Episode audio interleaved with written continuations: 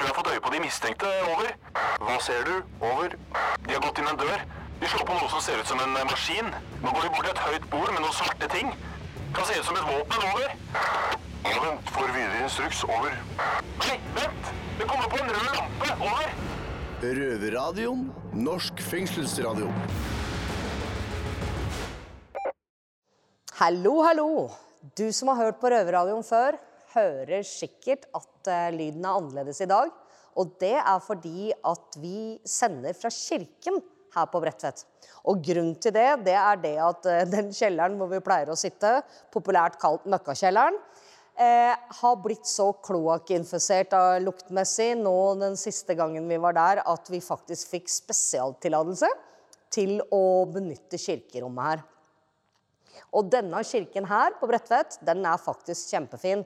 Og hvis du hadde kommet utenifra og bare kommet inn her og sett opp mot kirken her, så hadde du trodd at det var en, en kirke, faktisk. Nok om det. Velkommen til Røverradioen. Jeg heter Nina, og i dag så skal eh, dere få høre mer om hvordan fengselslivet faktisk arter seg for dem eh, som mm, sitter inne. Vi skal til gutta i Eidsberg, som utdyper hvorfor eh, det å ha en bra personlig hygiene er ekstra viktig her inne i fengsel. Og dere skal dessuten få høre en fantastisk røverhistorie fra en eh, debuterende røver.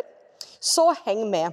Men først så skal vi til Oslo fengsel, der Mali forteller hvordan han opplevde arrestasjon og blir slengt på glattcelle og fengsla.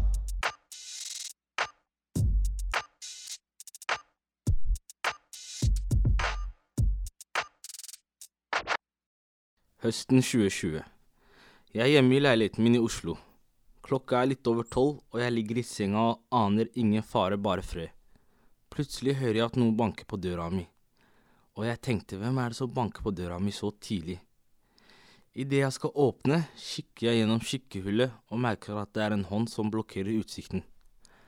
Jeg skjønner nesten med en gang at det er politiet som er på døra, med tanke på at jeg var involvert i en sak to måneder tidligere så jeg forsøker å være helt stille og late som om jeg ikke er hjemme. Det gikk ikke helt etter planen. Det blir stille i et par minutter, helt til politiet får tak i en rambukk. De er helt overbevist om at jeg er inne i leiligheten. Plutselig så hører jeg to store smell, og så den tredje, da var de inne i leiligheten. Jeg ble bedt om å stå i ro før de tok på meg håndjern og førte meg inn i politibilen. Det var da jeg fikk vite at jeg var etterlyst, og hvorfor, selv om jeg allerede visste det. Veien videre gikk mot politistasjonen, der jeg ble plassert i en glattcelle i påvente av å forklare meg i avhør, noe jeg ikke hadde planer om å gjøre. Jeg var i glattcella fra 6. august til 8. august. I de 48 timene levde jeg på brødskiver med ost og en liten kartong med melk som jeg fikk tildelt to–tre ganger om dagen. Jeg fikk ikke mulighet til å dusje som man egentlig skal få etter å ha vært eh, så lenge i glattcella, men av korona var det ikke mulig. Og for deg som ikke har vært på glattcelle før, det suger. Det er helt tomt, ikke noe TV eller noe, og det er et kamera på deg konstant. Tidlig den morgen får jeg beskjed om at politiet vil varetektsfengsle meg i fire uker med brev og besøksforbud. Det vil si at jeg ikke kan ringe pårørende eller venner, bare advokat. Det pleier politiet å gjøre slik at du ikke kan ringe folk for å påvirke vitner i saken. Jeg ble ført ut av glattcella videre inn i en politibil som skulle flakte meg til eh, tinghuset. Når vi ankom tinghuset, ble jeg nok en gang ført inn i en celle som de har der nede i kjelleren. Jeg, jeg sitter på en gammel og utslitt madrass og ser på veggene i cella som er bombardert med kulepennskrift fra ulike personer som har vært her tidligere. Fuck the police, masse forskjellige navn, den og den er tyster, den typen ting. Jeg venter på advokaten min, så dukker hun opp. Hun forklarer meg litt hvordan prosessen her skal gå, og så går vi opp til rettssalen for fengslingsmøte. Vi er i salen ca. syv–åtte minutter. Jeg sa navnet mitt til dommer, hvor jeg bor, hva jeg driver med, og om jeg erklærer meg skyldig, noe jeg ikke ville ta stilling til. Når møtet i rettssalen er ferdig, ble jeg ført ned til cella i kjelleren igjen. Jeg fikk beskjed av dommeren at kjennelsen vil komme i løpet av 15 til 20 minutter, så jeg ventet og ventet. Til slutt kom kjennelsen. Varetekt i fire uker med to uker brev- og besøksforbud. Jeg så den komme og prata litt med advokat om ankemuligheter, men vi ble enige om å prate litt senere den samme dagen. Nå var jeg ferdig i tingretten og skal til fengsel, men jeg vet ikke hvilket fengsel jeg skal til engang. Men før det så skal jeg tilbake på glattcella på politistasjonen som jeg hadde bodd i de siste to dagene. Noe jeg tenker er helt på trynet når retten har bestemt at jeg skal til fengsel. Så sender de meg tilbake til den glattcella jeg har allerede bodd i de siste to dagene. Etter å ha vært på cella i politistasjonen i tre timer, kommer en arrestbetjent og sier du skal videre herfra nå. Så spør jeg hvor, hvor er det jeg skal, og da får jeg vite at jeg skal til Oslo fengsel, som ligger ett minutt unna politistasjonen.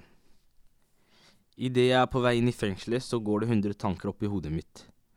Hvordan blir hverdagen min? Hvordan skal fengselet gjøre meg til et bedre menneske? Hvordan skal jeg bli tatt vare på? Jeg kom inn i porten, ble ført inn gjennom to andre dører til jeg så de første fengselsbetjentene. De stilte meg opp mot en vegg, tok et bilde av meg og spurte om jeg trengte røyk eller snus, som de tilbyr alle nye innsatte. Og så fikk jeg tildelt dyne, pute og en liten startspakke, som de kaller det, med brødskiver, ost og smør. Jeg var rolig og gjorde egentlig bare det de sa, uten å tenke noe særlig over det. Så gikk ferden videre opp noen trappetrinn og inn i selve avdelinga. Idet jeg går inn i avdelinga, hører jeg lyden av nøkler, dører som blir smelt igjen, og mye bråk generelt. Jeg får tildelt en celle i den øverste etasjen, som er tiende avdeling, og får et skriv om daglige rutiner. Så blir døra mi lukket av fengselsbetjenten, og jeg er helt alene innelåst. Jeg ser meg rundt og ser en seng, et toalett rett ved senga, et stort skap og en TV. Jeg går mot vinduet og ser ut mot friheten og tenker på hvordan jeg har havnet her. Du hører på lyden av ekte straffedømte. Røverradio. Ja, da er eh, jeg på vei ut døra i kirken her, hvor vi har en liten eh, som kalles Dronninghagen for øvrig, ingen mindre, for vi er jo alle dronninger her på Bredtvet. Um, en liten uh, hage i tilslutning til kirkerommet her. Jeg trenger nemlig litt frisk luft før jeg kan guide dere videre i denne sendinga. Ah. Her er vi da ute med gress og blomster og Eller blomster er det dårlig med på denne tida av året, men jeg ser opp på to dronningkroner her, og her har gartnerkurset anlagt en liten trone i tre også. Intet mindre. Og litt brosteinsbelegning og skifer og Og naturligvis masse blomster og bærbusker og sånn om sommeren når det, dette blomstrer. Ja, jeg kan jo si at jeg kjente meg igjen i mye av det Mali beskrev der.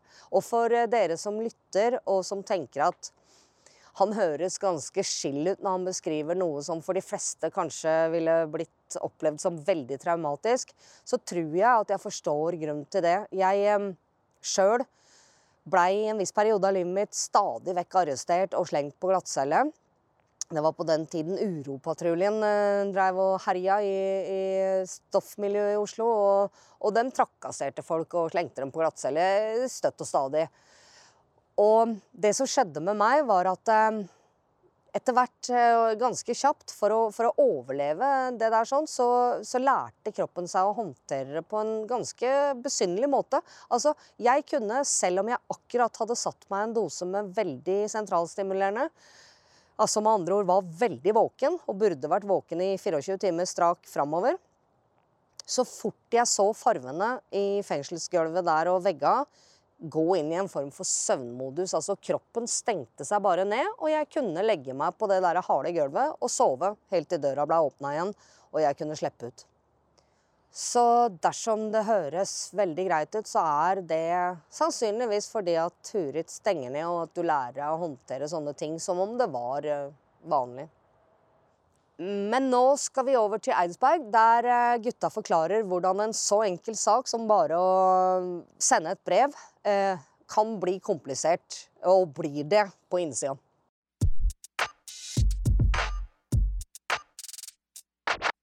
Når man trenger å få tak i en kompis på utsida, så ringer man eller Sender en melding.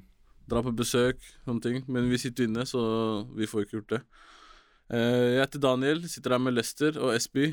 Yes, godt å være tilbake. Kan du gi meg noen eksempler på Eller du har jo et eksempel på hvordan du måtte få tak i kompisen din, eller kompisen vår, da, her om dagen. Siden du har blitt flytta til eh, restriksjonsavdeling og sånne ting. Jeg sendte en brev, altså. Ikke sant? Skrev et brev, sendte det. Ja, jeg er vant til å sende brev med frimerke, siden jeg har venner som sitter andre steder, men eh, vår eh, venn SB, vil du forklare litt om hvordan du fikk det sendt, eller? Hvordan så brevet ditt ut? Ja. Det var bare egentlig Jeg bare hadde skrevet det, og så ga jeg det til en annen innsatt, og han andre fikk jo det Tok han det bare med egentlig opp, og så fordi de er på samme avdeling, så han ga det til han.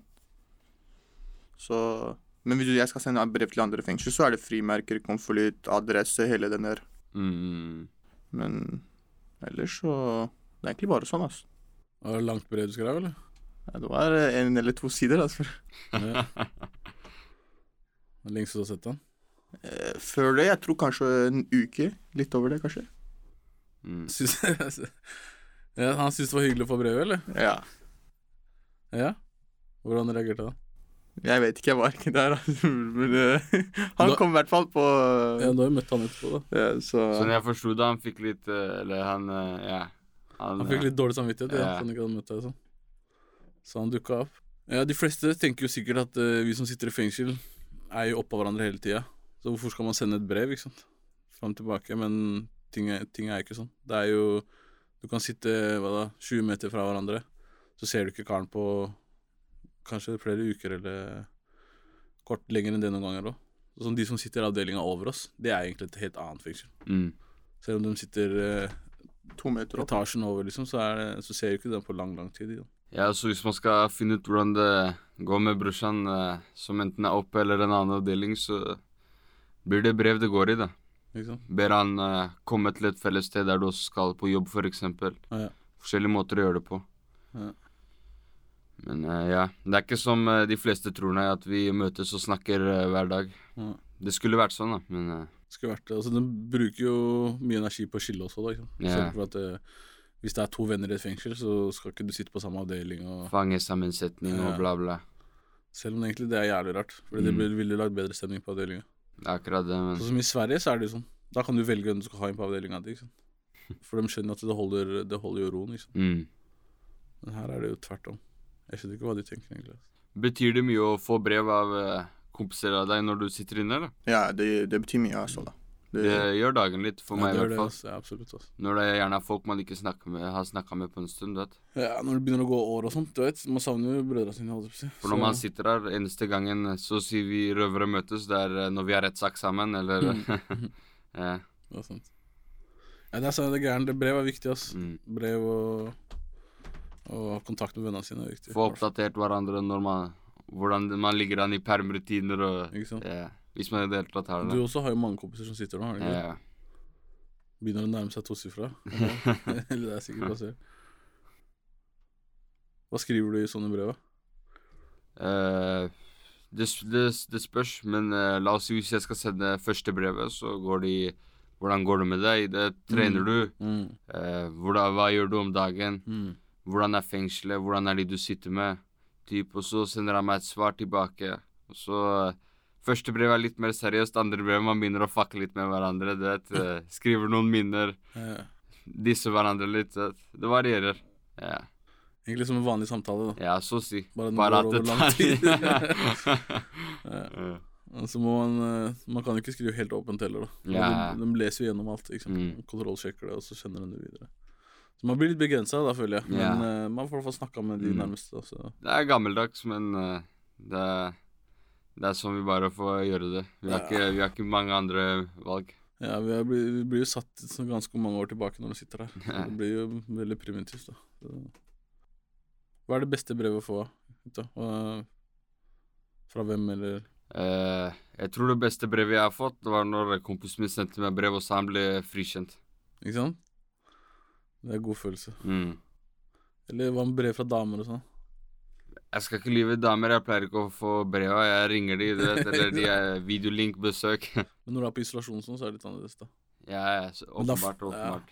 Men uh, ja, Jeg fikk jo faen meg ikke brevet mitt da engang. Altså. De nekta å gi det videre. Altså. bank i bordet. Jeg har aldri blitt uh, putta i isolasjon så lenge, så Seriøst, eller? Ja, Eh, så jeg chiller'n jeg er glad for det. Altså. Yeah. Isolasjon er fucked up. Altså. Hva med deg, SB? Får du noe love letters, eller? Nei, bare fra brutter'n.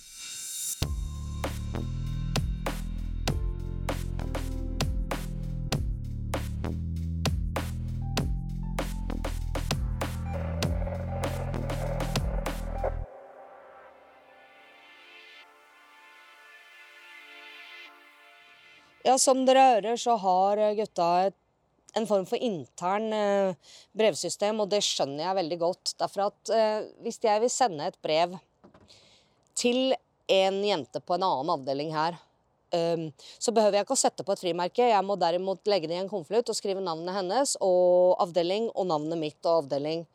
Og så må dette brevet forpasses gjennom sensuren, altså det vi kaller effekten her, hvor en betjent sitter og leser hvert eneste ord jeg skriver, og kan velge å sensurere brevet hvis det er noe som på noe vis kan oppfattes som upassende i det innholdet. Og akkurat hva som er upassende til enhver tid, det er ganske vanskelig å vite. Så eh, behovet for å kunne sende et brev med en, en venn er, eh, er stort. Eh, men eh, hvis jeg f.eks. vil sende et brev til B2, da, som er den åpne anstalten, der min forhenværende makker, Maiken, nå sitter, så er jeg nødt til å sende det gjennom eh, effekten. Og da skjer jo noe med kommunikasjonen. Det er noe som går tapt underveis. Altså, jeg holder kontakt med henne, og jeg veit vet sånn cirka hva som foregår i livet hennes, og hun veit sånn cirka hva som foregår i livet mitt. Men, eh, men eh, det åpenhjertige og det nære og det personlige, det tar man jo ikke med i brev som blir lest av en tredjepart. Så det er masse som blir borte i den sensuren. Dessverre så er det sånn. Men en annen ting som også er ganske annerledes her inne, det er eh, hygienen. Fordi her lever vi så tett. Vi lever jo på det nærmeste helt oppå hverandre. Og eh, det har sine utfordringer. Så over til Eidsberg igjen.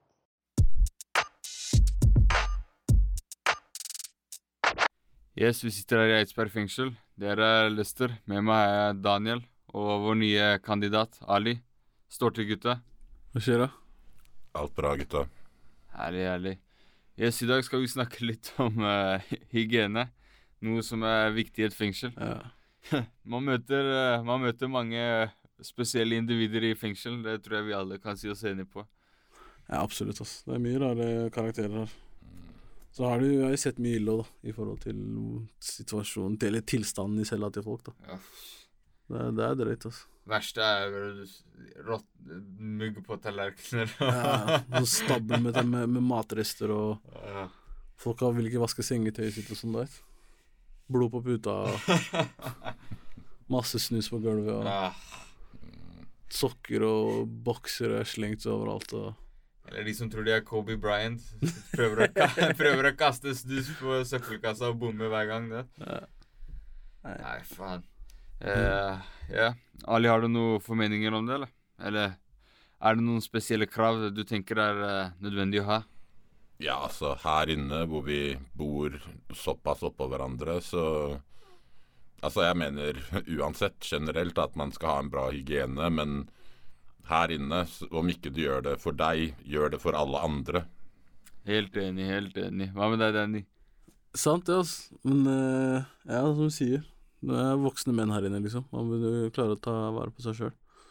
Men uh, hva, vi veit jo at det er flere tilfeller her da, hvor folk ikke har så bra hygiene da, i forhold til seg selv og, og cella si, vasker ikke cella si og sånne ting. Hva, hva tenker du liksom Hva er grunnen til det? Hva er årsaken til at noen er sånn, da?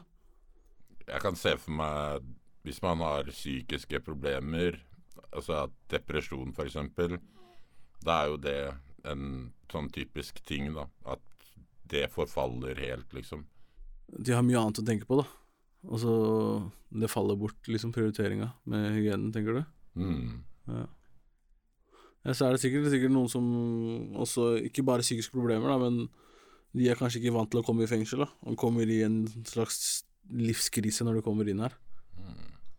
Det er ikke alle menn som uh, har den kulturen at de pleier å vaske selv. Man har gjerne kvinnene i familie eller uh, kvinnen i livet ditt, kona di, som uh, vasker og sånt for deg. Men spør du meg, jeg ser det er fortsatt ikke en god nok grunn til å ikke vaske, men Nei. Men du, du må alltid utvikle deg. Så hvis du er i en situasjon hvor moren din eller kona di ikke er til stede, så må du jo på en måte Eller hvis moren din er syk, hvem skal vaske da? Ja, ikke. Skal du få moren din til å vaske, liksom?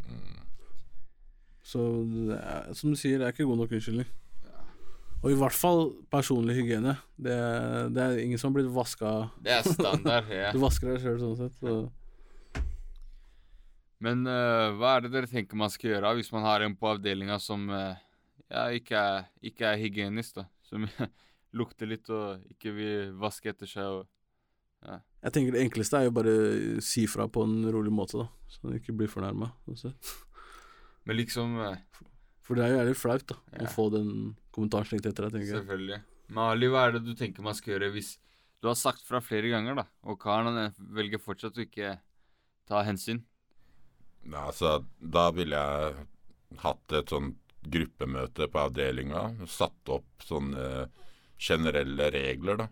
Og hvor det hadde vært et krav, liksom. Altså Og hvis ikke man kan følge de gruppereglene man blir enige om i fellesskap, så er det jo Da får man jo flytte, rett og slett. Ja. Det er en måte å, en, Mm. en måte å Det er håndtere det, det på. en bra måte. Men hva skal man si, da? Man må dusje Folk holder ta seg nær av det. Men det er jo egentlig en regel i fengsel her. Vi har jo egne vaskedager Mm. som vi skal vaske cella vår og sånne ting. Mm, Så det er kanskje betjentene må følge det litt mer opp, da. absolutt. Ja, det er jo egentlig deres jobb. Ja. eh, Danny boy, når du flytter til en ny celle, har du noen rutiner, eller? Ja, det starter med å begynne å skrubbe cella, da. Vaske og skrubbe og mm, Vaske vegger og tak og alt mulig. I hvert fall rundt sånn sengekanten og sånt, der folk har ligget mye og sånt. Der er det veldig viktig å, å gå nøye til verks. Og Det Ja. tar tid, egentlig, å, tid, å bli komfortabel inni en Ja, ny celle, egentlig. ass. I hvert fall hvis du har vært i, kommer i en skitten celle, liksom. yeah. Den lukta og alt det greiene der. Bare må få det til å bli ditt, da. Så hadde du et godt tips også, sist. Ja, Lite røvertips. Det er at eh, aldri ta under eh, pulten du har inni cella di, eller bordet, for den saks skyld. ja. Gjerne folk liker å ja, plukke litt buser og gni det under der. Og, Ja. ja. Ikke måte på. Ikke vits å se under der engang. Ja. Ja, der, altså. Kan spare deg for det. Det er et godt tips. Så, Hvorfor tenker dere egentlig det er sånn at folk eh, ikke eh, gidder å fucking snyte seg i papir eller noe, og skal drive og tørke gni under en fuckings pult? Nei, jeg ser ikke noen logisk forklaring til det. Det eneste jeg kan tenke, er at du vil bare lage faenskap. Fordi det er jo enklere å ta en serviett og snyte seg, Ja, enn å strekke seg bort til bordet og og de tingene der. Liksom. Så skal man jo leve i det òg. Altså, det er jo nasty. Ja. Så hva, hva er rådet ditt da, Lester, til de som ikke vært så flinke til å vaske cella si?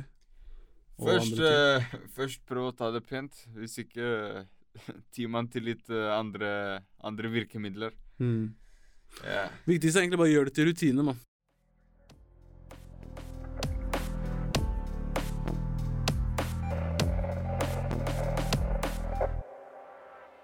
Og bleh, busebord.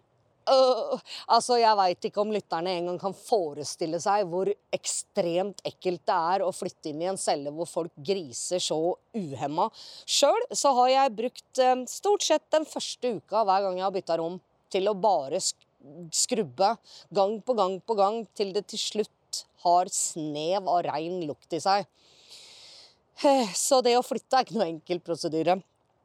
Eh, og så eh, bare en liten kommentar til gutta om at eh, dere må slutte å stole på at mora deres eller kona deres vasker opp etter dere. Brett opp arma og ta i litt sjæl, gutta. Men nå nærmer vi oss finalen her, og nå kommer det dere sikkert alle har venta spent på, nemlig en saftig røvertabbe. Og premiere for min nye eh, røverradiopartner og makker framover, og avdelingskompis, nemlig Hege.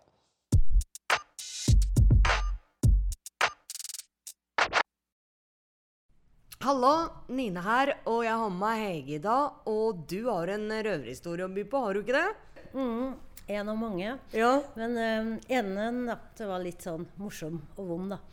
Men eh, jeg skulle treffe ei venninne på Jeg tror det var det jeg skulle gjøre. På en kafé. Jeg var på, på kafé bak domkirka. Kirkerista der. Over Ja. der. Um, jeg satt jo i et hjørne, da, for jeg ville jo ikke sitte ned med folk, for jeg var ganske rusa og satt og halvsov og sånne ting. Eller jeg sover, da. For at uh, når jeg våkna, så skulle jeg gå ut, og da var det ingen der. da, Det var helt mørkt, og det var låst. Og jeg kom meg ikke ned. Før så gikk jeg an å gå ned bak kirkerista, men det gjorde ikke det.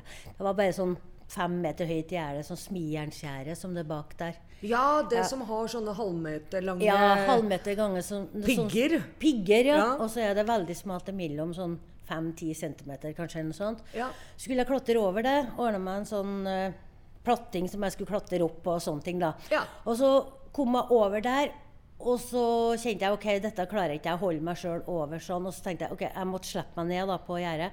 Så enten så måtte jeg få den piggen midt mellom beina, fem meter, og det Nei. Det var Dårlig valg. Det var dårlig valg, så jeg vant og tenkte litt. Da. Eller så måtte jeg, så jeg landa bare imellom, fikk låret imellom den 10 centimeteren. Da. Ja. Og jeg er litt uh, tjukkere enn så, så jeg hang bom fast. Fikk meg ingen vei, så jeg hang bare etter det ene låret der. Au.